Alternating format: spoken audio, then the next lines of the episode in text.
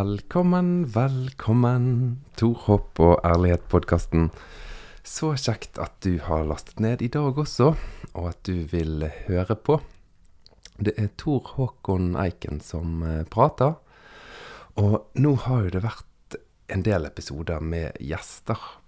Og da Det er litt vittig, for det føles nesten som en sånn Endelig. Det er jo litt slemt sagt, for jeg er så utrolig glad for disse gjestene som har lyst til å være med i podkasten.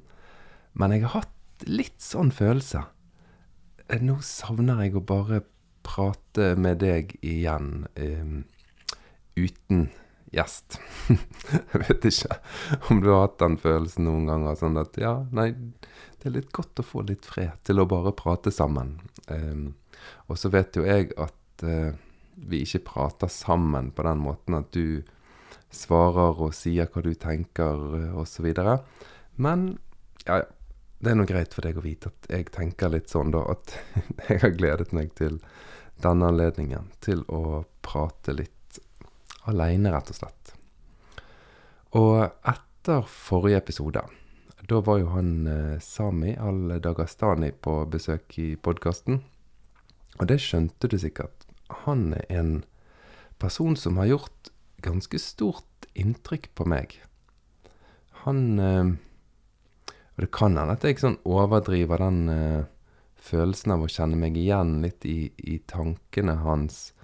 Men, men, det som jeg har kjent på når jeg har hørt og sett og vært på forelesninger med Sami, det er en litt sånn, en litt sånn frustrasjon som jeg kan kan gjenkjenne.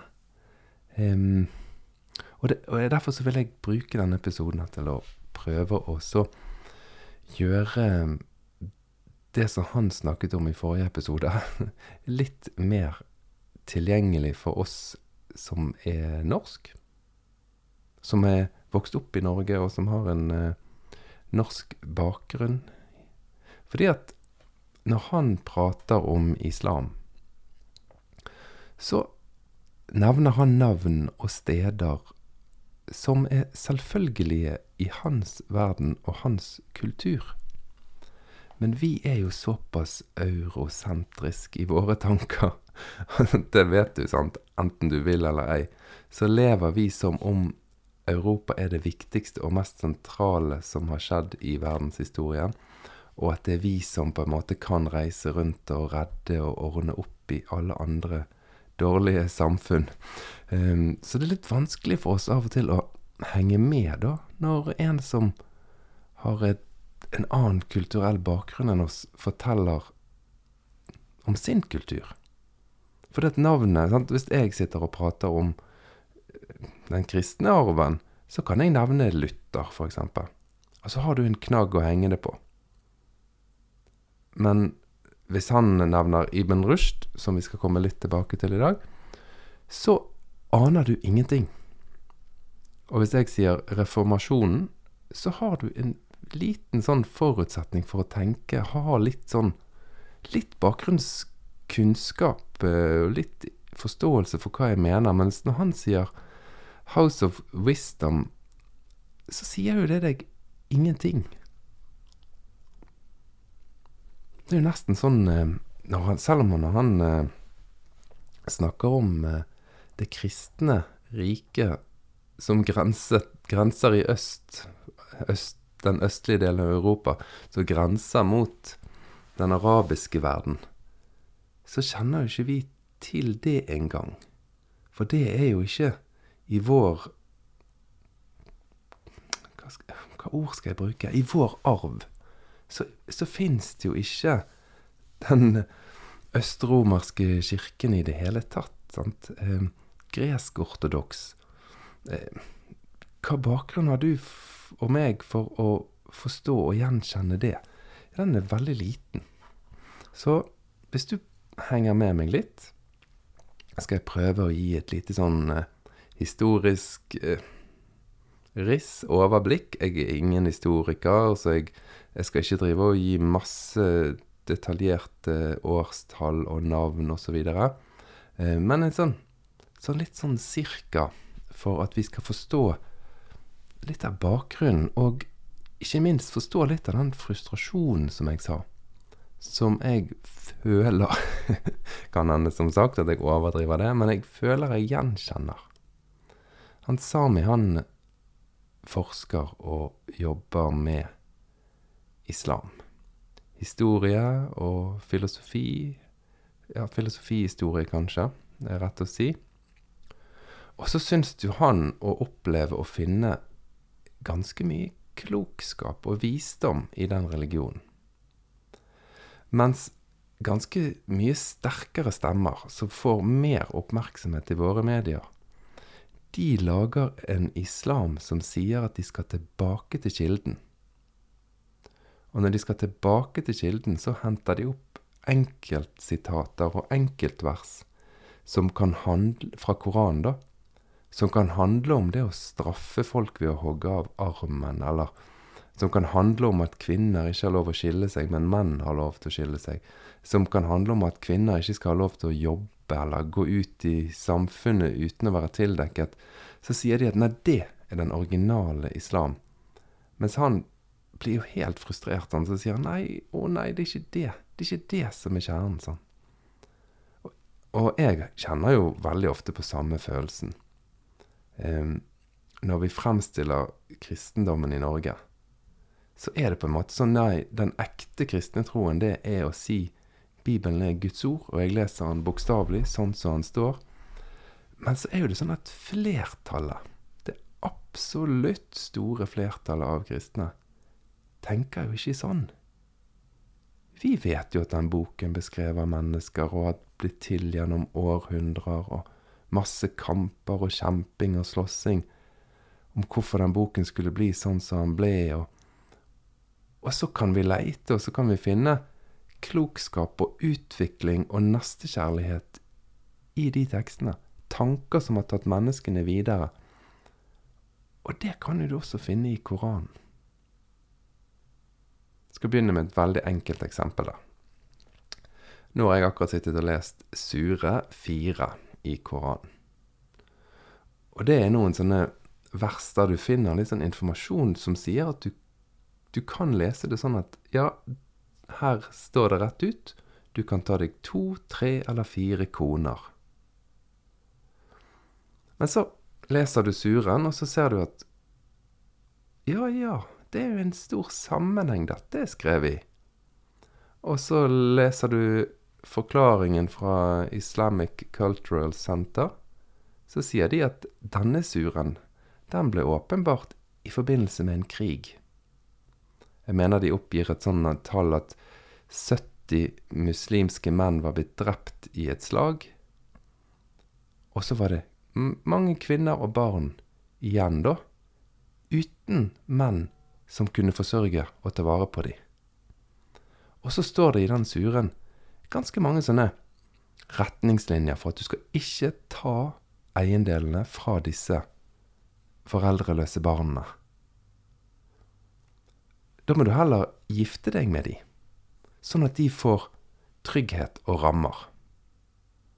Og det er klart at i dagens samfunn så syns vi det er helt absurd å lese at en skal gifte seg med etterlatte mennesker, kvinner etter et slag. Det, det er jo ikke en tanke vi ville hatt, sant?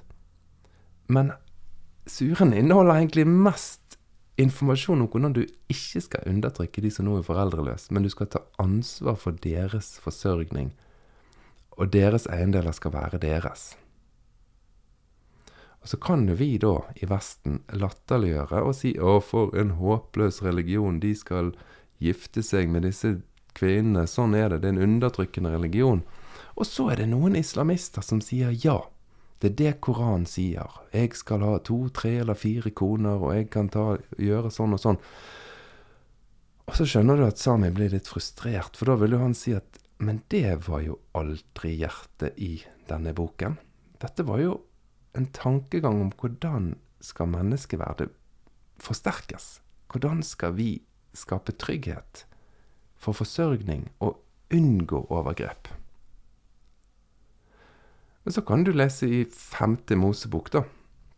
Der er det en helt tilsvarende fortelling. For da står det sånn at det hender at du går til krig, og så hender det at eh, Gud gjør det sånn at du vinner krigen. Og så går du forbi kvinnene som er fanget etter den krigen du har vunnet, og så ser du en kvinne du begjærer. Da skal du ta hun inn i ditt hus. Hun skal få barbere av seg håret og klippe neglene, og så skal hun få sørge en måned. Når denne måneden er over, så kan du ligge med hun. Og hvis du etter en stund blir lei hun, så kan hun få lov å reise dit hun vil, men du har ikke lov å selge hun som slave. Og så kan du si, for en latterlig bok denne Bibelen er. Det er jo helt håpløst. Ja, men prøv å sette deg inn i rettigheter i krig. Her snakker vi kanskje 700-800 år før vår tidsregning, eller noe i den stilen. Kanskje litt mindre. Men det er en gammel tekst. Hva tror du fantes av regler for krigføring på den tiden? Fantes det noe sånn FN-domstol, menneskerettighetsdomstol, som tok krigsforbrytere? Hvordan tror du kvinner flest ble behandlet i forbindelse med et slag? Eller for å spørre på den måten, hvordan blir kvinner behandlet i krig i dag?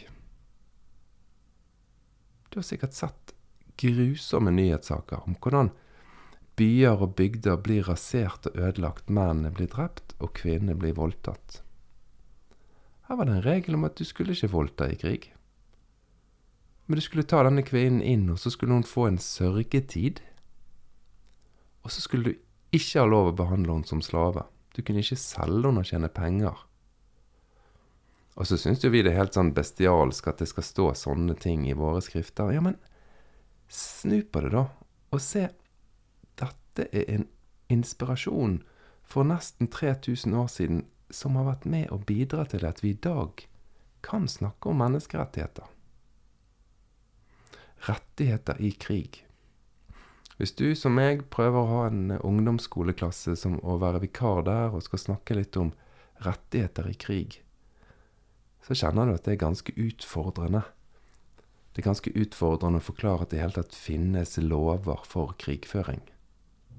For både meg som lærer og de som elever kjenner jo på det samme. Krig burde jo bare vært forbudt. Ja, men nå er det krig. Og det finnes lover. Og hvis du bryter de lovene, så blir du stilt til ansvar for forbrytelser mot menneskeheten. Det er mye rart sant, i menneskenes historie. Veldig mye rart. Og når vi bygger opp eh, religiøse tanker som sier at vi må tilbake til utgangspunktet, og så skal vi ta det som står i disse gamle tekstene som en lov i dag, så, så blir det sprøtt. Men hvis vi våger å spørre hva er, hva er ånden, hva er hjertet i disse tekstene, så kan vi kanskje finne en tråd av utvikling som sier noe til oss i dag. Så Sami han prøvde å gi oss et inntrykk av hva miljø oppsto islam i. For en sånn europeisk historiefortelling, den vil typisk være sånn Det var ingen religion i, på den arabiske halvøy. Det var litt kristne misjonærer der, og så var det noen soriastriske misjonærer, kanskje. Noen som var fra det persiske riket lenger nede der. Eh, og så oppsto islam. Og så bare kjørte de en enorm militær offensiv og knuste ned all motstand. Og vi klarte å stoppe de før de hadde overtatt hele Spania. Og heldigvis, på 1400-tallet, så klarte vi å få de ut igjen fra Spania. Og så, så sier Sami det det er jo en veldig forenklet historiefortelling, da. Det er jo ingenting som oppstår ut av ingenting. Alt har jo årsaker. Så nå må du være med meg på en liten historietur. Den kristne troen, den kristne religionen, den fikk jo sitt utspring i det romerske riket. Ja, du vil kanskje si nei. Fra, fra Israel. Ja, det stemmer. Men uten veksten i det romerske riket er det vanskelig å se for seg den kristne religionen som en verdensreligion. Og på 300-tallet så vet jo vi at da ble det erklært religionsfrihet. Konstantin sa det at det skulle være religionsfrihet for alle. Keiser Konstantin i det romerske riket, han får bygget Konstantinopel. Fordi at gjennom hele historien så har Europa vært veldig uinteressant. Europa har vært en bakevje. Så han bygget det kristne riket helt i øst. Så langt øst du nesten kunne komme i det romerske riket. For det, det han var interessert i, det var jo det samme som Alexander den store hadde vært interessert i. Det var jo å ha handelsruter hele veien bort til India. sant? Tvers over hele den arabiske halvøyen. For det er jo tross alt i Iran og Irak at sivilisasjonens vugger er. Det er jo der den store kulturelle utviklingen har vært. Europa, må du huske, det har bare vært en bygd. En mørk, fattig bygd som ingen var interessert i. Det er veldig vanskelig for oss europeere å skjønne dette, for vi kjenner jo oss som sentrum. Men i hvert fall, det romerske imperiet, med hovedvekten helt i øst, i Konstantinopel, hadde en veldig lang pågående kamp etter at eh, den kristne religionen hadde fått en stor plass i riket. På 400-, 500- og 600-tallet så vaklet det romerske riket veldig. En ble angrepet fra nord, og en følte et, et behov for å ha litt samarbeid med det asyriske, nei, persiske riket, ble det vel, da, eh, i sørøst og prøve å beskytte seg sjøl mot mongolerne som kom fra nord og presset på. Og det ga litt rom på den arabiske halvøya. For at nå hadde ikke vi, nå sier jeg vi, som europeere eller som kristne, anledning til å kjøre den massive militæroffensiven for å spre vår religion. Så det ble litt plass på steppene Plass til hva da?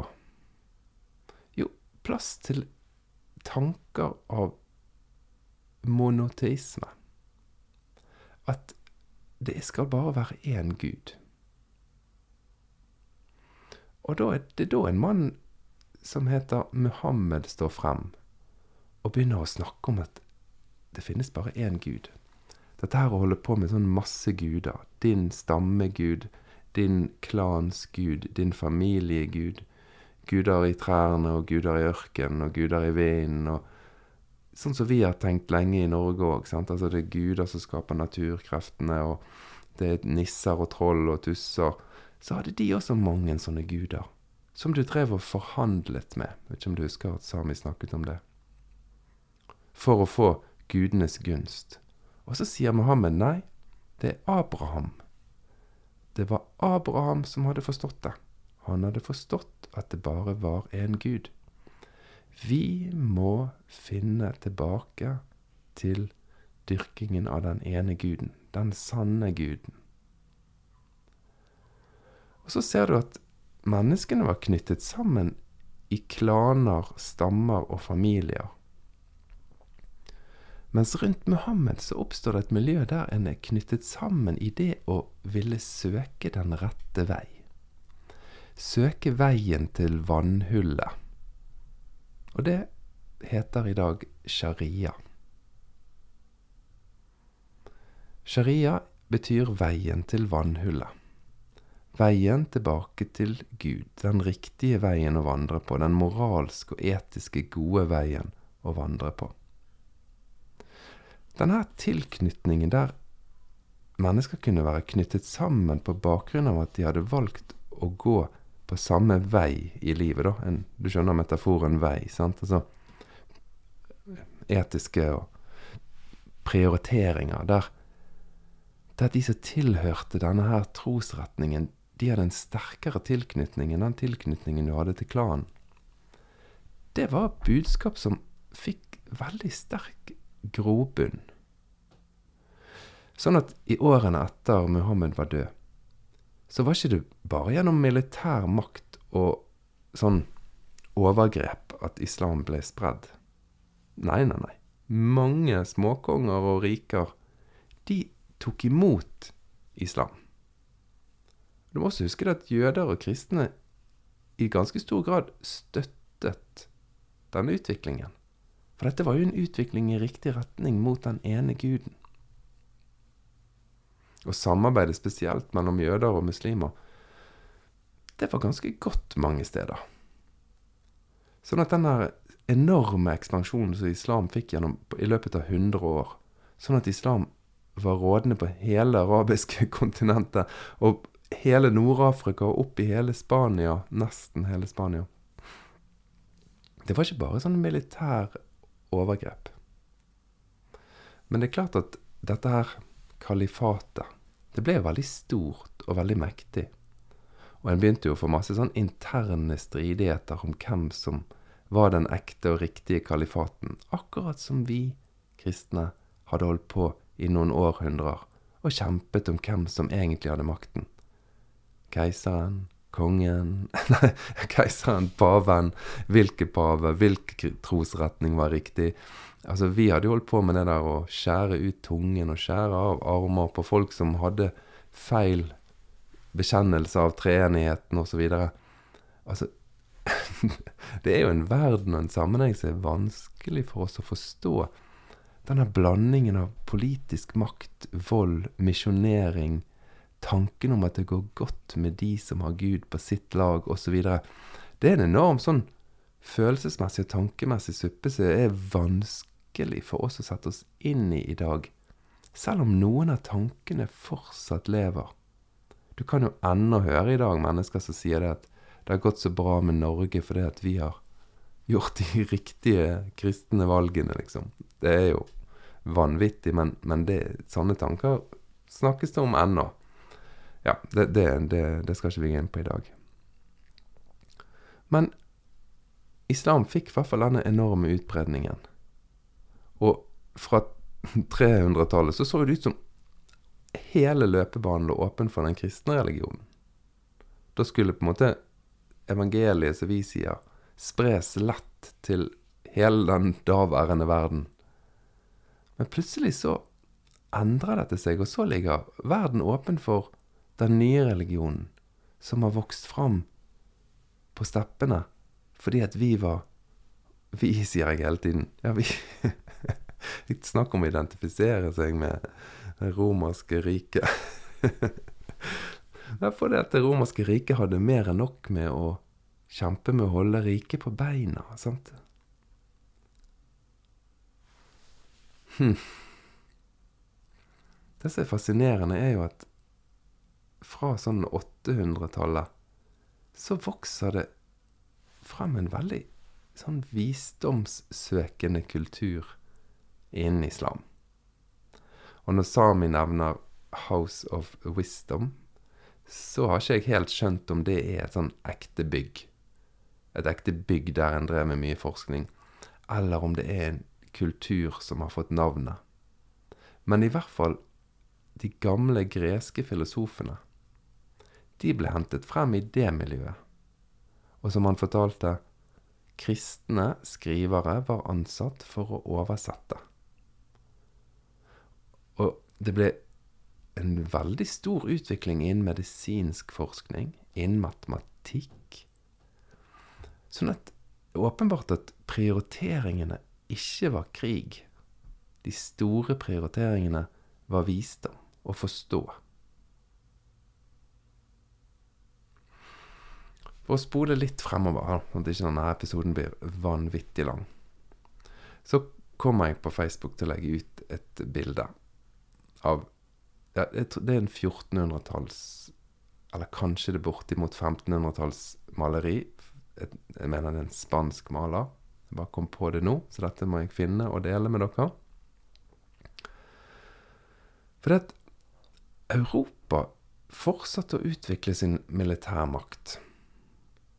Og på 1400-tallet var kirken blitt veldig stor og veldig mektig. Og da har du kanskje hørt om den spanske inkvisisjonen. Da klarte Europa å jage ut, herje og drepe i hele Spania. Muslimer og jøder spesielt grusomt forfulgt. Og på slutten av 1400-tallet så vil du da se et maleri som jeg mener henger i Vatikanet. Men sjekk ut Facebook-siden min, så skal jeg legge ut det bildet etterpå. Der er Thomas Aquinas, som er liksom den store kristne filosofen. Han er malt stående oppreist mellom Platon og Aristoteles. Og under føttene til Thomas Aquinas, der er den store aristoteliske filosofen Ibn Rushd, som er muslimsk filosof. Hele tradisjonen og bevisstheten om at det var muslimer som på en måte på nytt ga europeerne oppmerksomhet til de gamle greske filosofene, den ble utslettet. Og så malte en bilder og viste hvordan den kristne religionen var overlegen den muslimske religionen. Vi hadde filosofene på vårt lag, og vi sto oppå hodet til de muslimske filosofene. Da er vi på slutten av 1400-tallet. Og fra den tiden av så har altså Europa en enorm ekspansjon. Den begynner med at vi finner Finner Det er et forferdelig ord å si. Men vi kommer i hvert fall til et kontinent som vi har kalt Amerika. Et kontinent som var bebodd. Det bodde mange mennesker der. Og vi drepte og slaktet ned uendelige mengder med mennesker. Tok deres rikdommer og førte til Europa. Paven erklærte at de nye landområdene som vi nå hadde oppdaget, de tilhørte de som hadde funnet de, som om det ikke var noen der fra før. Og det er en litt sånn enkel historieskriving igjen. For det er klart det var mange kristne, ikke minst eh, misjonsorganisasjoner fra den katolske kirke, som virkelig kjempet for at de innfødte skulle beholde sin verdighet og sitt land så det er litt for, for forenkle ting å si at de kristne drepte, men de kristne drepte. I massevis. Og vi plyndret i massevis. Økende rikdom kombinert med at eh, den islamske verden hadde innbyrdes stridigheter, så var, vokste jo det fiendebildet, naturlig nok. Både på muslimsk side og på kristen side. Og nå har jeg ikke tatt med korstogene der vi kjempet mot hverandre, muslimer mot kristne, og vi drepte hverandre ned for fote, og begge sider var sikre på å ha Gud på sitt lag. Men det er mange faktorer i historien som gjør at fiendebildet blir veldig synlig på det maleriet som jeg nevner for dere. Vi har et behov for å vise at vår Gud, vår religion, er så mye større og finere og bedre enn islam.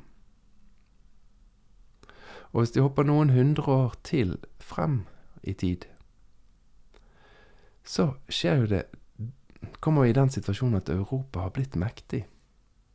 Og vi begynner å innta land etter land og gjøre de til våre kolonier.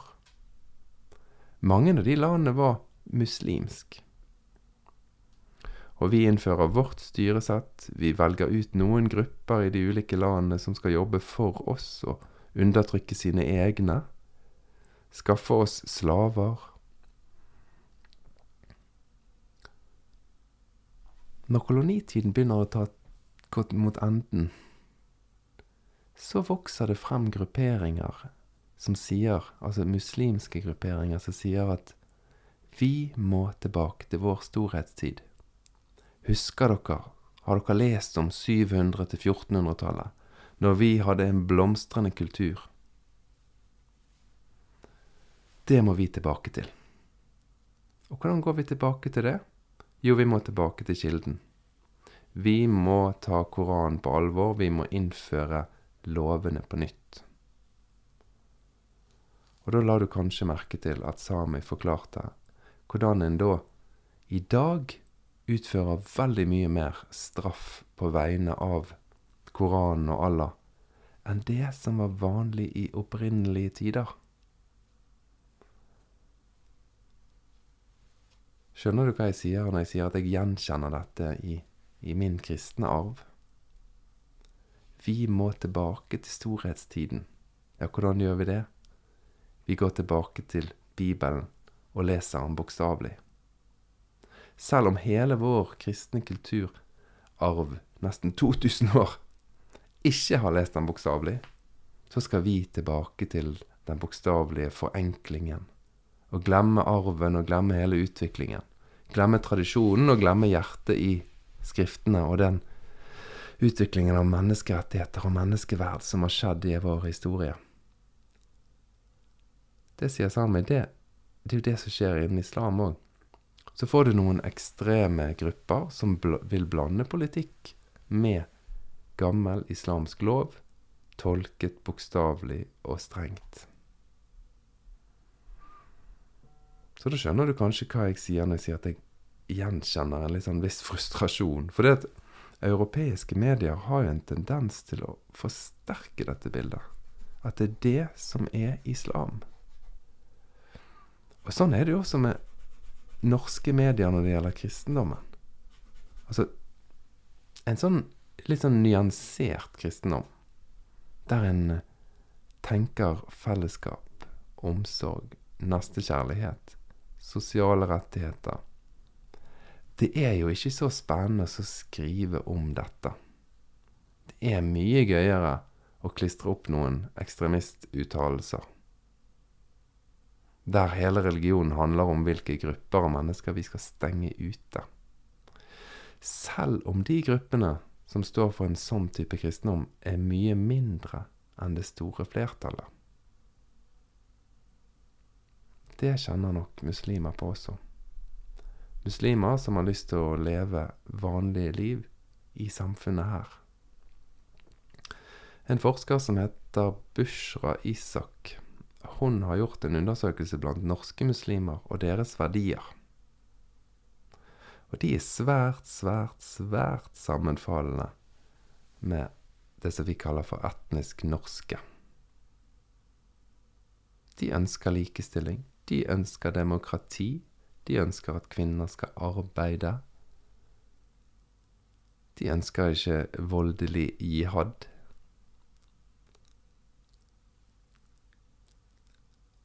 Det så det var en som hadde uttalt det at Norge er et svært muslimsk land, men med få muslimer.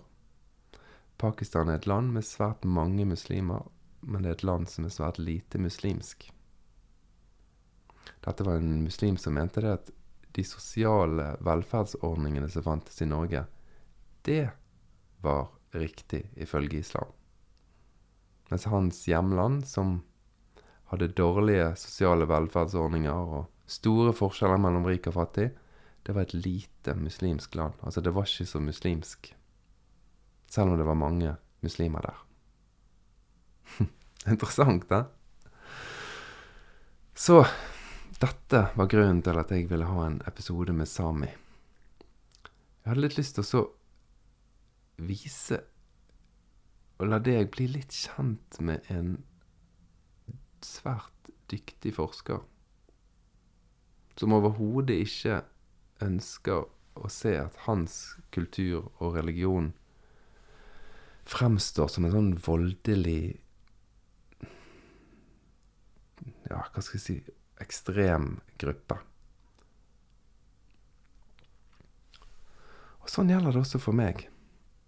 Jeg har lyst til at den kristne arven skal bli kjent men ikke som en sånn forenklet, ekstrem, radikal utgave, eh, der en egentlig ikke våger å stille de ekte spørsmålene.